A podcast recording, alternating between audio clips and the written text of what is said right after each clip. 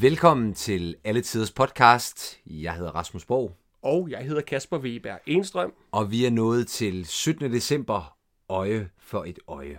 17. december 1994 i den første sæson, som jo bliver et lidt krævende afsnit at komme igennem, fordi der er rigtig meget, vi skal vende. Der sker rigtig meget i øh, Josefine og Birders personlige historie, og så skal vi jo stifte bekendtskab med en konge, som er måske den mest markante danske konge Vi i kongerækken. Vi skal nemlig stifte bekendtskab med ingen ringer end Christian den 4. Ja, og der skal vi jo øve os lidt på begrænsningskunst, Rasmus. Det får vi se, om vi kan, for du er jo gigantisk Christian den 4. fan.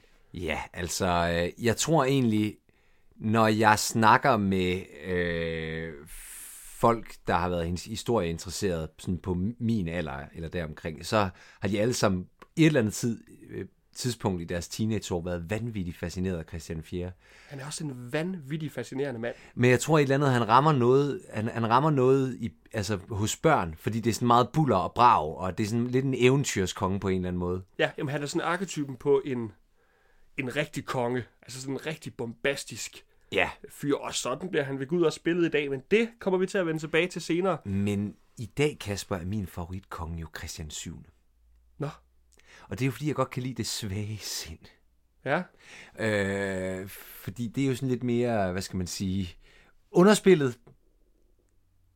Øh, ja, Altså, der er ikke altså, så Altså- meget buller og brag ved Christian 7. Det er jo meget sådan meget græde voldsomt at bide i gulvtæppet. Ej, jeg vil sige, jeg synes også, han gjorde væsen af sig. Jeg synes ikke, det er så underspillet. øh. Men ved du hvad, det er en helt, helt, helt anden historie. Det kan være, at vi kommer ind på Christian den 7. en dag. Det ved gør, jeg gør vi ikke. nok ikke i forbindelse med den her podcast, men lad nu det ligge. Ja. Nå, øh, Pyrus vågner og Freja er væk. ganske rigtigt. Øh, han springer op, da han vågner, direkte hen til en seng og begynder at tror, han lurer, men han har ikke noget at lure på, fordi Freja er væk. Og øh, han vækker Gutenborg, og der er vild panik. Og de når simpelthen frem til, at Freja, hun må være forsvundet. Ja, og Gutenborg, Gutenborg tror, det er stillhed før stormen. Ja, det, det noterede jeg lige, fordi han siger, og det kender man jo, det her kender han fra flere. Hvis han har set det før, og vi går ud fra, at det handler om at falme, tror du, der simpelthen findes nogle historiske personer, som vi to ikke kender, som ingen kender, fordi de er blevet tryllet ud af historien, fordi han har glemt at, at altså, trylle dem tilbage, så de er falmet og forsvundet? Jo, men så skal det i hvert fald ikke være en vigtig historisk person. Altså, Hvorfor for- ikke? Vi ville jo ikke vide det, hvis det var. Nej, det er, selvfølgelig, det er selvfølgelig rigtig godt, at det er derfor, han er så frygtelig bange for, at det sker. Ja. Men, men igen, hvem skulle det være? For det er jo ikke en fra kongerækken. Så skulle det være en eller anden, sådan, øh, en eller anden øh, lakaj, eller en eller anden tjener, der har gjort et eller andet på et tidspunkt for en kongelig, Ja. eller et eller andet. Ja. Jamen, eller øh, altså, en, en meget vigtig elskerinde, som bare er blevet slettet fra historien, altså, altså til en af kongerne. Vi ved det ikke. Vi ved det simpelthen ikke, Rasmus. Det, det, altså, jeg, jeg, jeg skal ikke kunne sige noget. Men det kan jo også godt være en fiktiv karakter. Det er selvfølgelig rigtigt. Ja, Det har du ret i. så det kan godt være en historie, der er blevet der er røget i glemsel. Hvor, hvor alting er, Ja, har Pyrus nikkelallergi? Det er det, jeg egentlig gerne vil vide. Hvorfor vil du vide det? Det var jeg lige, fordi den, at de zoomer ind på, at, at, at, at Pyrus er meget ked af det, fordi Freja er væk, og han siger, at vi var jo næsten kærester, og, og så ser man, at han har sådan en, en, en lille, øh, ikke særlig køn øh, ørering i øret, og øret det er bare skrigende, altså det er sådan øh, postkasse rødt. Altså, at, han, Ja, det er faktisk, det er faktisk rigtigt. Det har jeg tænkt. Det har jeg tænkt. Hvordan nisser normalt har de røde ører? Afbilder man dem med jeg, røde ører? jeg, det ved, nej, det tror jeg ikke. Er det ikke noget om, store men, men jeg tror mere, vi snakker om øh, sådan generelt, altså julekalendernæsser, de har jo røde kinder, røde næser, røde ører, men sådan, altså, det, det ser bare virkelig ubehageligt ud, det ligner de sådan, Det kan også være hugen, fordi at jeg har lagt mærke til, at, at sådan hugen, den går ned over øreflippen, eller ud over øreflippen, eller ned under øreflippen. ja, Og så ørerne ligesom bliver presset ud, så det kan godt være, at det er, fordi blodtilførselen simpelthen er stoppet i ørerne. Altså, vi må holde øje i løbet af, af serien, om det ligefrem bliver blå. altså, Lad, lad os nu se. Men, øh, men i hvert fald, øh, du har skrevet fuck Gutenborg. nej, nej, jeg har ikke skrevet fuck Gutenborg. Det er meget gerne lige berigtigt. Jeg har skrevet fuck Gutenborgs, jeg skulle have advaret dig, replik. Nå, ja, okay. Ja, ja. Nej, det kunne jeg ikke finde på. Jeg elsker Gutenborg. Han, øh, det er bare fordi, han siger til Pyrus, ja, jeg skulle have advaret dig, man må ikke blive for tæt med dem fra bøgerne. Hvad er det for noget pis? Altså, det, det er Altså, virkelig... jeg giver ham ret i reglen, men, men han har siddet og, og altså, drukket tæt med Christian den anden, fordi han synes, det er så synd for ham, han sidder fanget, de drikker tæt, og han fortæller ham om, hvor længe han sidder i fængsel, og sådan, og han skal ikke kommer og fortælle Pyrus, Nå, at man altså skal ikke blive for tæt med dem. Var også bare det der med, at han sådan spiller, spiller skak med Frederik den 7. Altså med sådan en virkelig god bekendt. Og, Ja, altså, og nu, det her afsnit, Christian 4 sagt, altså han kender alle. Så det, det, Ja. det, det, den får han simpelthen ikke nej, kun det var det. Så, så det var egentlig bare det, jeg ville, Nå. øh, øh, ville sige med det. Men, Men Men øh, i hvert fald, vi skal op på kontoret. Ja. Og Bertramsen, han øh, ligger jo og sover de uskyldige søvn, og drømmer om lanser, og hjelme og rustninger, eller hvad han nu ligger og drømmer om. Og det banker på døren. Og det værste, det mest utænkelige, det der ikke måske, det sker. Frøken Brahe går ind, fordi han har glemt at låse døren. han har glemt at låse døren, og hun kommer ind.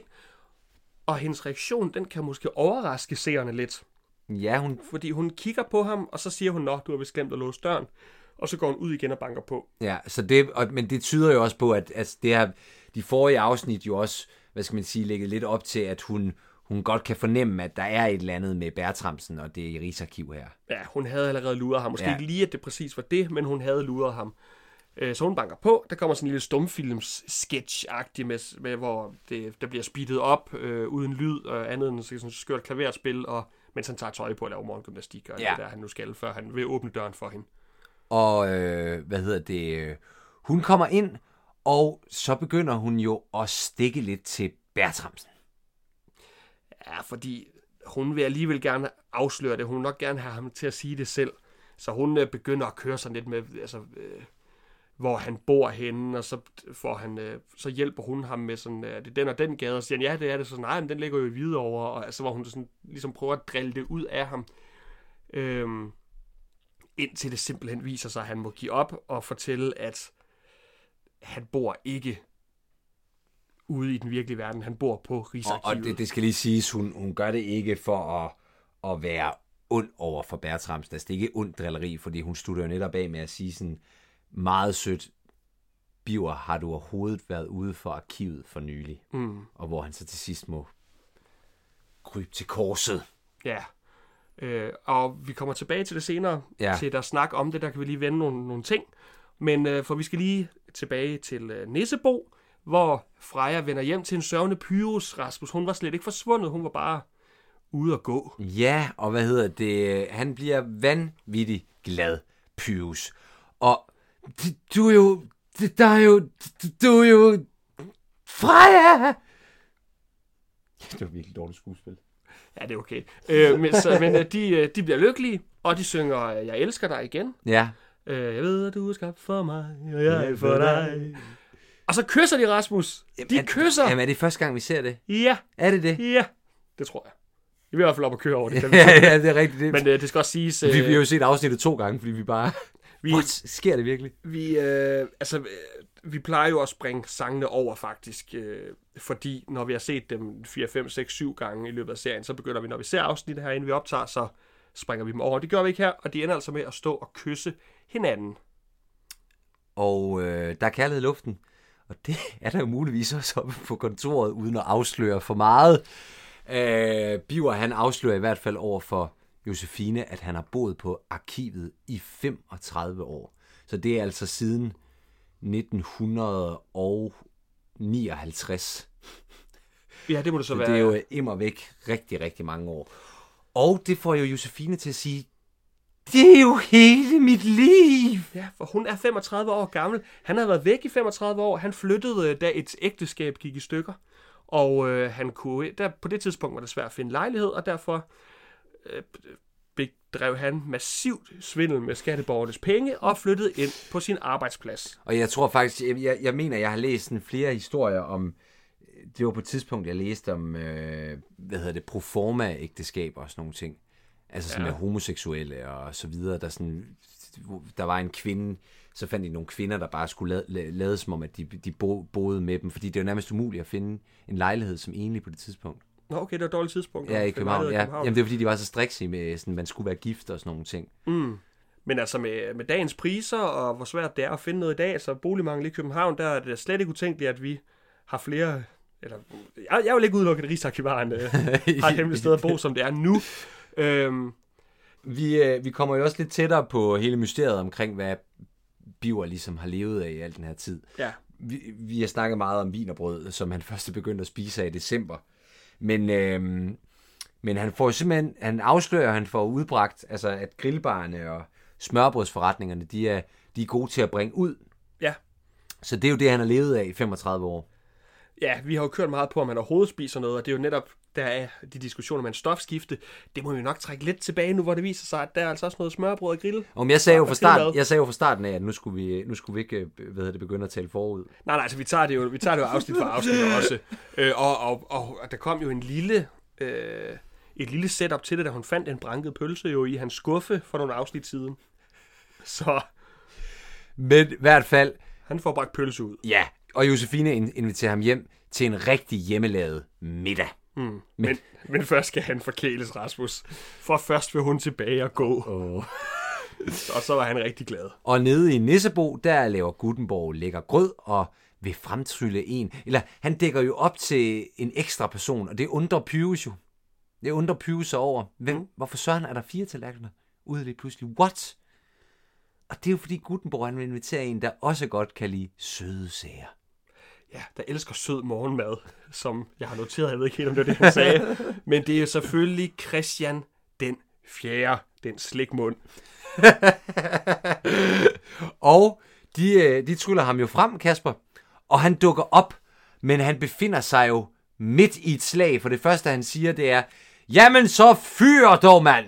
Og det er jo ingen ringer end Jens Ocking. Det er Jens Ocking, Der- der som kommer- Christian den fjerde. Ja, og øh, jeg vil jo sige, at det kommer vi jo til at diskutere i næste afsnit, men han er højt rangeret.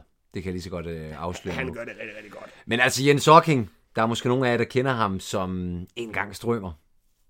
Ja, det er nok en af hans store øh, Ja. bedrifter. Jeg kan Eller- sige, altså, eller, øh, øh, hvad hedder, Buller, Buller Drusse, ikke? Buller Fra- Drusse i fra. Riget, Ja. som faktisk kører samtidig med.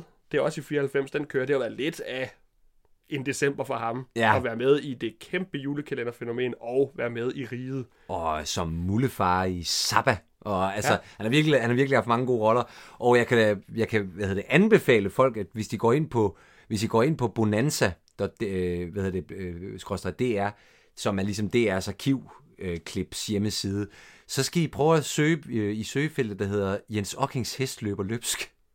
Nå. Og det er et vanvittigt morsomt klip. Jeg kan ikke lige finde ud af, hvad det er, programmet er fra. Det er i hvert fald Jens Ocking, der sidder i en, i en hestekære og skal, hvad hedder det, bliver interviewet af en fra Danmarks Radio, og så løber hans hest simpelthen løb, løbsk Nå. Med Jens Ocking og journalisten i hestekæren, og, de, og, og, og kameramanden bliver ved med at filme.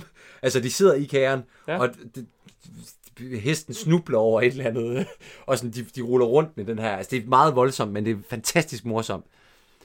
Det overgår eddermame med det, jeg vil sige. Det var nemlig, at, at, øh, at 94 var et hektisk år for ham, fordi han er jo en ivrig socialdemokrat. Men han meldte sig ud i protest over valget af ministre nogenlunde samtidig med det her afsnit. Så det er ikke så spændende. Men øh, vi kan godt lide Jens Hocking. Han, og han har et vildt spændende år i 94, Ja, hvor han er med her. Og øh, i denne her scene, der er han, øh, hvad hedder det, på krigsskibet Trefoldigheden, og øh, vi befinder os her i slaget ved Koldberger Heide, hvor øh, danskerne kæmper med svenskerne med en, og får en lille fordel, men ender altså med at blive øh, udkæmpet af den hollandske flåde og den svenske flåde øh, senere øh, i løbet af krigen. Og øh, det ender jo med freden i Bremsebro, hvor Danmark skal afstå blandt andet Halland i 30 år. Men øh, Og Bornholm. og Bornholm. Hvor vi sidder og optager lige nu jo. Ja. Det må vi ikke glemme. Øh, men slaget er jo kendt for en bestemt ting, som man jo kender i dag. Men det venter jeg lige lidt med, fordi at Christian 4. bliver, bliver altså om, om man ikke kan blive tryllet tilbage. Fordi de skal tage ham fra et eller andet tidspunkt, hvor... Øh, altså, de skal tage ham, hvor han sidder i et eller andet kedeligt rigsrådsmøde, men ikke hvor han er i et herligt søslag. Nej, så får han lige et specifikt råd med på vejen, når han skal tilbage til kamp. Igen, hvor de bryder med øh, deres principper. Man må ikke ændre på faktisk et meget afgørende øjeblik i Danmarks historie. Øh, men hvor de siger, pas nu lige på dit øje, kammerat. Ikke? Du skal lige passe på øjet i det der slag. Øh, så, og så tryller vi der tilbage senere igen. Øh, men det sjove er jo, at... Øhm, øh, og det er jo så at sige, han, kom, han bliver jo så tryllet, øh, tryllet tilbage, de, de åbner en ny side, og han kommer tilbage igen. Og det er jo så efter søslaget, fordi der har kongen jo fået et, øh, hvad skal man, hvad hedder sådan noget, en klap for øjet. Og det er jo fordi, at Christian 4. under det søslag ved Koldberger Heide, øh, mistede sit ene øje. Han fik en, øh, hvad hedder det, kanonsplint i øjet. Og det var meget øh, sigende for Christian 4, det var jo, at for det første, så var han altid med på slagmarken i sin egen krige. Altså, det må man give ham. Han har virkelig kastet Danmark ud i armod, men han, sådan, han var selv en af frontførerne lige meget hvad, fordi han elskede det. Øh, men så, at, hvad hedder det, øh, det her søslag er altså blevet kendt, fordi det er kongen, der ligesom offrer sig selv, og sådan, slaget skal fortsætte, selvom, jeg er blevet, selvom han, han sover sig selv. Det er ja, meget dansk stolthed over det, og sådan det er, ja, det er jo dansk meget... mentalitet, og sådan, det viser os nogle ting. Ja, lige præcis, og det er jo, øh, et, det, det, er jo det slag, vi synger om hvert år til nytår. Kong Christian stod ved højen mast i røg og damp. Og det sjove er jo faktisk, at det er det, som øh, hvad hedder det, Bertramsen sidder og analyserer i første afsnit. Ja, hvor øh, kong Christian stod ved højen mast. ja, hvor kan det nu være rigtigt? Men nu ja. er øh, han tilbage. Han bliver taget ud af et rigsråd, som han jo hader, siger han. Øh, og nu har han klap for øjet. Og så siger han, det, det, det synes jeg er lidt noget øh, fis. Fordi han siger, ja, denne gang var bedre som det første. Altså som om han oplever tiden på samme måde som seerne. Forstår du? Altså siger, øh, jeg vil gerne blive tryllet tilbage. Han bliver tryllet tilbage. Så bliver han tryllet frem igen og siger, ja, det var bedre. Altså, men det er jo gået måske, hvad, altså 7, 8, 9 måneder, eller et år, eller to år, eller, altså sådan, det der med, at det er jo ikke det, første, man bare lige tænker som, som og, ja, det var bedre. Og, og, og det skal også siges, at det har de jo, hvad hedder det, pointeret før, at øh, hvad hedder det, personerne bliver jo altså først levende gjort i det, man læser dem. Og de har jo ikke læst noget her. Så han kan jo ikke, han kan jo ikke sidde og vente på det, fordi han er jo ikke blevet læst op. Altså bogen er ikke blevet læst. Mm. Altså den bog, som Christian 4 sidder i. Eller er Nej, i. det er rigtigt. Det er rigtigt. Så, så, så, så der, der er lidt huller her i, i historien, men... Men et sted, hvor den så i hvert fald holder sig rigtig meget til sin røde tråd, det er, at ligesom alle andre øh, konger og mænd, så taget. begynder han jo at flytte hæftigt med Freja. Og, og ja. Det er der, han er allermest ked af nogensinde at mangle sit øje, fordi han vil så gerne kigge på den skønhed med dem begge to. Og, det skal jo, og, og her har vi jo virkelig måske at gøre med den person, det passer allerbedst på, fordi Christian 4 var jo frygtelig glad for kvinder altså alle livets goder ja. elskede øh, Christian, tror, han har... om, om det var druk og damer og ja, det er 20 børn, han har, ikke? Ja, en, jeg tror faktisk, det var 21. Hmm? Det var sådan helt øh, vanvittigt. Gift to gange, og så, jeg tror, han, han nåede ikke at gifte sig den sidste gang der med Vibeke, Vibeke Kruse. Jeg tror kun, det var hans elsker en. Dejlig ung pige. Lad mig lige sige, øh, hvad hedder det, i forhold til, at kongen var, øh, hvad hedder det, 68 på det tidspunkt. 66, hvis vi er 44. Kongen døde som 70 år i 1648. Øh, men jeg vil lige til, til lytterne sige, det kostyme, som øh, Christian 4 har på her, skal jo forestille at være det, han havde på øh, under søslaget der ved Koldberg Heide. Og det kostyme, eller hvad skal man sige, det tøj, kan i dag ses på Rosenborg Slot. Mm. Og, øh, og det er altså både, hvad hedder det, kongens øh, tørklæde med blod på, og kongens, øh, kongen, ja, kongen var simpelthen gået, gået i krig i klipklapper. Eller ikke klipklapper, klapper, men sådan nogle... Jo, det er sådan lidt en, en art klipklap. Nå, jeg kan faktisk ikke huske... Hvis nu, jeg altså klipklapper med høje hæle. Men okay, det er sådan, du, du har også kigget ivrigt med. Jeg, jeg har bare kigget på blodet. Jeg synes, det er sejt, ja, ja. at man stadig så lang tid senere kan se... Og det er simpelthen stadig bevaret. Hans øje blevet skudt i stykker. Ja, men, øh, og det, det kan jeg virkelig anbefale til at se. Det, der mærker man altså virkelig historiens vingesus. Men det er tid til risengrød. Eller er det Rasmus? For han har ikke rigtig lyst til risengrød, ham Christian den 4., fordi øh, det er jo bundemad, som han siger. Ja, og så er vi jo ude i noget med risalamang nu. Ja, så vil han hellere have risalamang, som de fine spiser på ja. slottet. Og hvad siger du til det? Du er risalamang-ekspert. Øh, jeg, jeg, jeg, spiser, jeg, jeg spiser det i hvert fald hvert år, det har jeg gjort i 32 år nu. øhm, ja, så vidt jeg kan læse mig frem til, så er det altså en øh, opfindelse, en opskrift, der kommer langt senere i historien. Øh, at der skal vi altså op i i hvert fald 1800-tallet. Ja, hvor der kommer fløde og andet godt i. jeg ved ikke, man, er nok, man har nok opdaget glæden ved fløde noget før. Men hvorom alting er, jeg, jeg, er ikke, jeg er ikke helt sikker på den der, Rasmus. Selvom at jeg blandt os må være Risalamang eksperten. Men øh, lad, du, lad, du det, lad du det ligge. Øh, det er i hvert fald det, de spiser på slottet, når det skal være ekstra, ekstra fint. Og, men du var ude i noget med, med en mandelgave, i hvert fald. Ja, for det er en tradition, de når frem til nu, det er, at han, øh, Han fortæller om, når man spiser risalamang på slottet, uanset om man så har gjort det eller ej, så er der i hvert fald det her med at finde øh, mandlen, det her med en mandelgave. Og, øh, og den er sådan set, den tror jeg sådan set, der er god nok. Men præmien dengang, det var ikke øh, øh et brætspil eller øh, en marcipangris. Det var simpelthen, at man måtte være konge for en dag.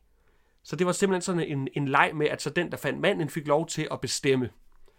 Og så vidt får vi en ny juletradition med i det her afsnit. Øh, altså, der er mere fokus på Christian den 4. fra nu af, og også det næste afsnit. Det handler ikke så meget om jul mere nu. Nå, tilbage på kontoret, så er Josefine kommet tilbage med kleiner og pebernødder. Og det får jo Bertramsen til at, til at sige, at nu må det med maden i hvert fald være på plads. Han konkluderer simpelthen, selvom han ikke kan huske, altså man kan jo ikke huske, hvad man har glemt, øh, men han kan konkludere, at nu har vi ligesom fået, vi har genopfundet alt mad. Simpelthen fordi, at øh, hun, hun ville hente kleiner ved bageren, og der var også pebernødder. Så det kan bageren åbenbart også huske nu. Men Josefine er jo ikke den eneste, der har opdaget noget, fordi Bertramsen han har jo siddet og bygget en julepyramide, også kaldet et Nikolaustræ.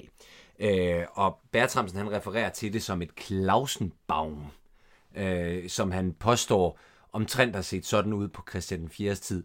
Og bare lige sådan kort, det er sådan en lille lysdekoration, øh, som har navn efter øh, Sankt Nikolaus, som vi allerede har øh, snakket om, der sådan er, øh, der hvor julemandsmyten starter, og det er måske en forløber til juletræet. Ja, og det, de gør faktisk ikke mere ud af det end det. Nu hvor jeg tænker over det, vi har også set et afsnit efter det her, der kommer ikke rigtig mere på, på det, men han har i hvert fald bygget det her øh, Nå, men jeg tror, også, vi nåede, jeg tror også, vi nået så langt op i historien, at nu, nu, nu tager de bare stikprøver i historien for at ja. se, hvad, hvad, hvad findes der af juletraditioner på den her tid. Så hvor det i starten mere var, nu har vi, op, nu har vi genopfund, genopdaget julen, nu har vi genopdaget, øh, ja, hvad, nu kan jeg næsten, julebukken, nu har vi genopdaget øh, julestjernen. Mm. Nu, kommer der, nu er der så mange ting, i de, hvad hedder det, jo længere, jo, jo mere de kommer frem i tiden, at de bliver nødt til at bare sådan at plukke lidt af det hele, fordi ja, alt skal noteres. Det kan være. Det kan være. Øh, til gengæld, hvis jeg lige må stoppe ved noget andet med juletræet, det er jo fordi, at vi fik jo sagt noget i sidste afsnit, Øh, vi fik sagt, at øh, de konkluderede på det her med, øh, med at man larmer til jul, øh, og derfor har man i dag knaller der på juletræet. Og der var vi jo enige om, at det der skulle ingen, der har. Der er ingen, der har knaller der på juletræet. Men det er simpelthen os, der har haft en øh, aparte barndom åbenbart, fordi øh, der er flere, der har kontaktet os og sagt, at de altså altid har haft knaller der på juletræet. Det er helt normalt. Jeg tror sgu, det er også der, Jamen, det må der er galt også, på den. Ja, og det er jo noget smukt på Pyrus, Rasmus. Nu har vi jo faktisk også lært noget nyt om en juletradition, som vi ikke har været så bekendt med. Juleknaller, det er dem, der, altså, det er dem, hvor du trækker i en eller anden ende, og så siger den bang. Ja, eller så siger den ja. Men så leger vi alle sammen, at det er et bang. Yes. Jamen, det tager. Og, og, nu ved jeg ikke, om jeg lige fik det knaller igen, øh, og får øh, beskeder fra folk. Hvis I har nogle knaller der derhjemme, som kan sige rigtig bang, så bare skriv til os, så skal vi også berigtige dette. Øh, vi skal videre.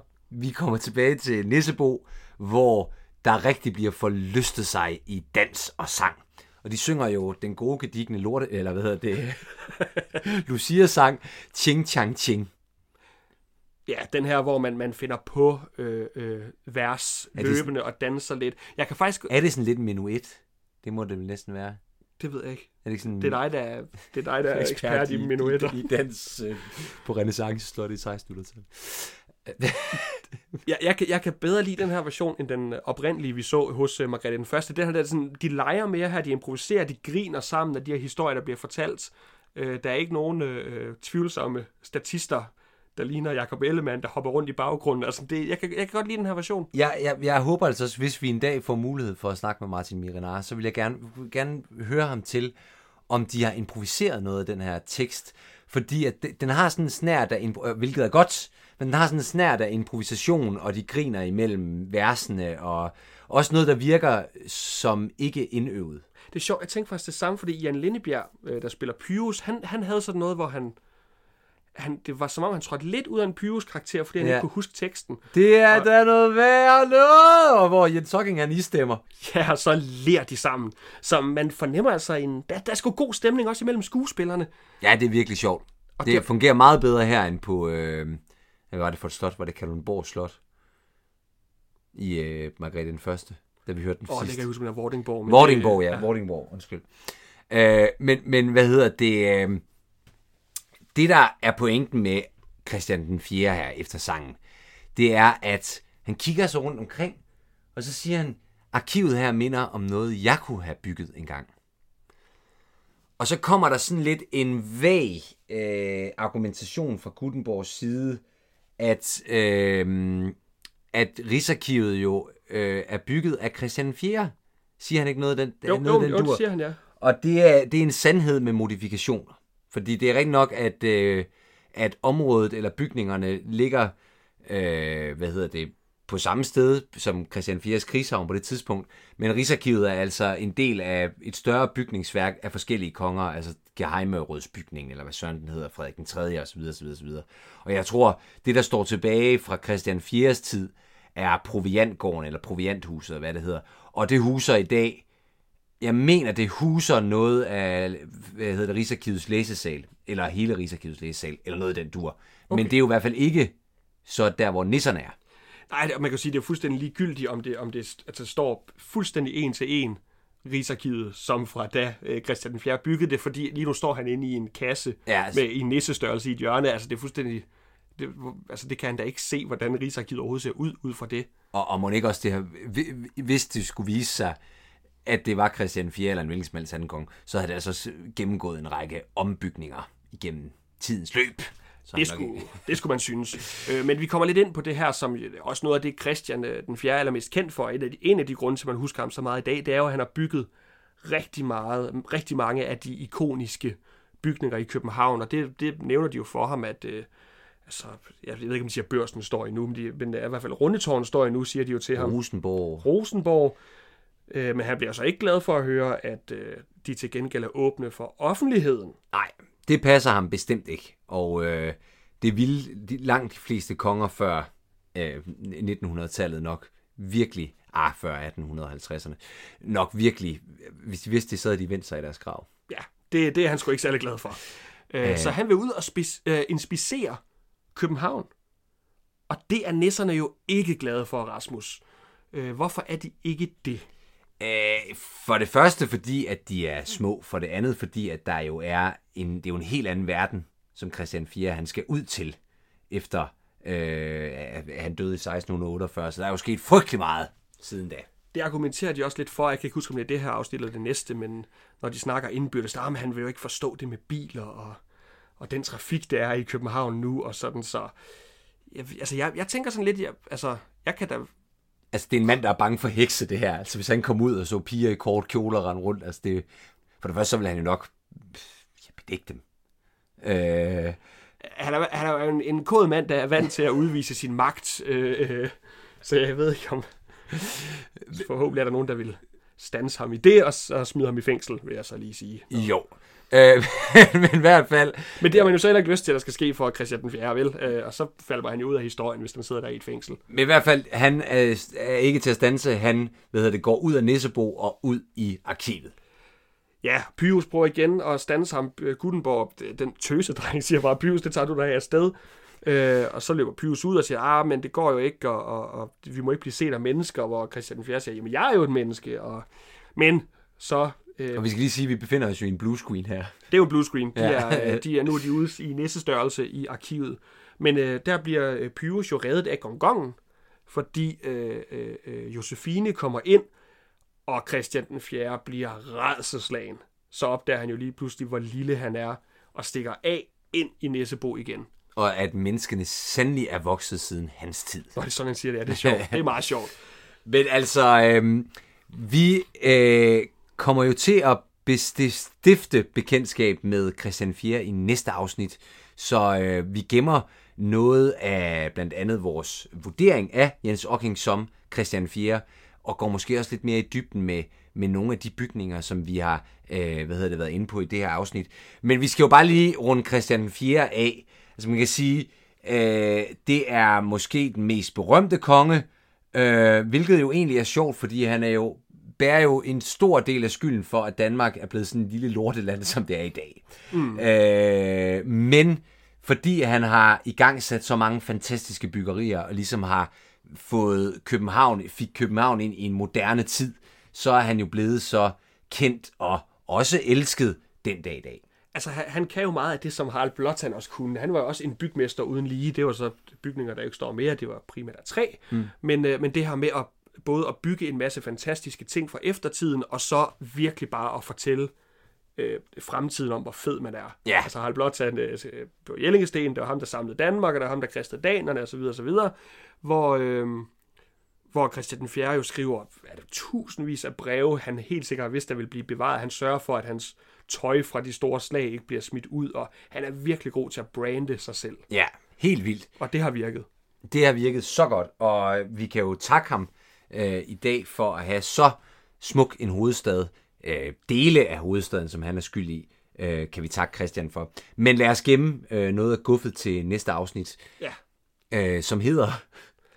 Øh, model og med ister, vil jeg sige. Så vi lyttes ved i næste afsnit.